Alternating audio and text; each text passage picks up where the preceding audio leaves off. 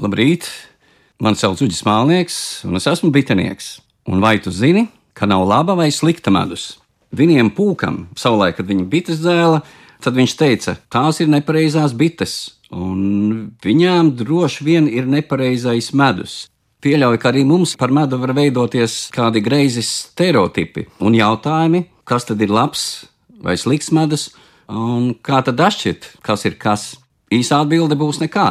Jo vienkārši izsakoties un oponējot viņiem pūkam, nav slikto vai labo bišu, labāku vai sliktāku ziedu. Proti, bites lido ziediem un uh, medū pārstādā nektāru. Šim medam var būt dažāda krāsa un garšu gama, arī konsistence. Proti, viņš var būt biezāks, šķidrāks, līstošāks. Un līdz ar to citkārt mūsu aizdomas, vai tik šis ir īsts un labs medus, vairāk slēpjas nezināšanā un aizspriedumos. Tautā par to labs vai slikts medus man prātā nāk. Ikdienā bieži vien sastopoties ar medus patērētāju teikto, ka medus ir sacukurojies, un kāpēc viņš tur cukurojās, un kāpēc viens cukurojās vai nē.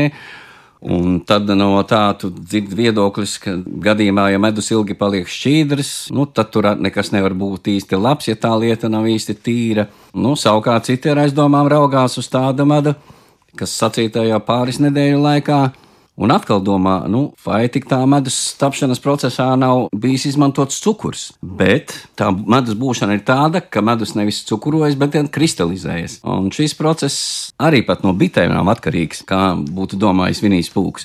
Medus kristalizācija ir atkarīga no tā, kā savā starpā sadzīvo glikoze un fruktoze. Glikoze veido kristālus, bet fruktoze neveicina kristalizēšanos.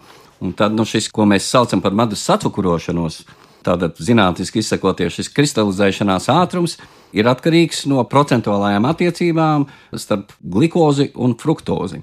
Nu, piemēram, pavasara medus kurā dominē no augļu kokiem ievākts nektārs. Šāds medus var nekristalizēties pat 7, 8, 9 un 10 mēnešus. Savukārt, piemēram, rapša medus, ciets kā akmens, var kļūt dažu nedēļu laikā. Un tad, nu, citreiz gadās, kad cilvēki nopērk smuku šķidru medu un skatās pēc mēneša, viņiem jau ar cirvi gandrīz vai tas medus jāmēģina no tās burkas dabūt ārā. Ja? Nu, tad aiz neziņas var rasties aizdomas, ka ar šo medu nav kaut kas tur varbūt lāga. Ja? Un arī tad, piemēram, Ja pirms tam ir nācies ēst eh, pūpolu vai āboliņa medu, kuri arī diezgan ātri kristalizējas un ir tikpat balti kā rapšu medus, taču viņi pēc konsistences ir gan krēmēdīgāki, gan patīkamāki. Un tad atkal cilvēkam rodās dažādi vaicājieni, kura tā medus zorta ir labāka vai pat tīstāka.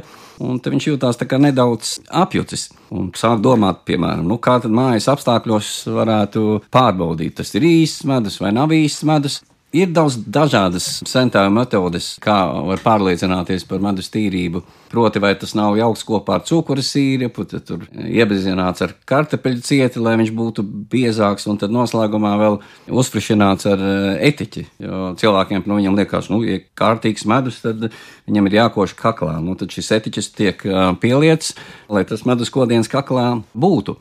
Bet es nedomāju, ka vecās metodes eh, mūsdienās ir aktuālas un vajadzētu būt kādam iemeslam to pielietot. Padomu laikos, jā, tad gan, es domāju, tajā pašā centrāla tirgu eh, pulka medus bija, kas bija darināts pie šīs metodes. Mūsdienās man grūti iedomāties, ka kāds biškopis varētu kaut ko tādu pārdot, ka kāds uz kaut ko tādu būtu spējīgs. Turpat īstenībā finansiāla apsvēruma dēļ pat nebūtu to prāta darbus darīt, jo strādājot ar bitēm, vienkārši pielietojot savas prasmes, to medus kilogramu dabīgā veidā ir lētāk saražot nekā tur pērkot suguru, vārot, vedot, lejot un tā. Bet es tomēr vairāk gribētu uzsvērt šeit ne tikai to finansiālo aspektu, bet arī to, ka, ka profesionāliem biškopiem eh, viņu arots tomēr ir aicinājums. Un uh, gan bites, gan arī pircējs līdz ar to ir tā kā svēta lieta. Un, kad jūs pērkat medu no biškopiem, tad jūs varat būt droši, ka tas ir medus. Bet, ja mēs tā kā paraugāmies globāli uz visu pasauli, tad tādās lielās valstīs, kur ir lielpilsētas, kā Londona, Berlīne, kur eh, cilvēkam eh, nav tā kā mums, tu iekāp mašīnā un pēc pusstundas tu atradīsi Rīgas pievērtē biškopi no kā nopirkt medu vai šeit pat Rīgā.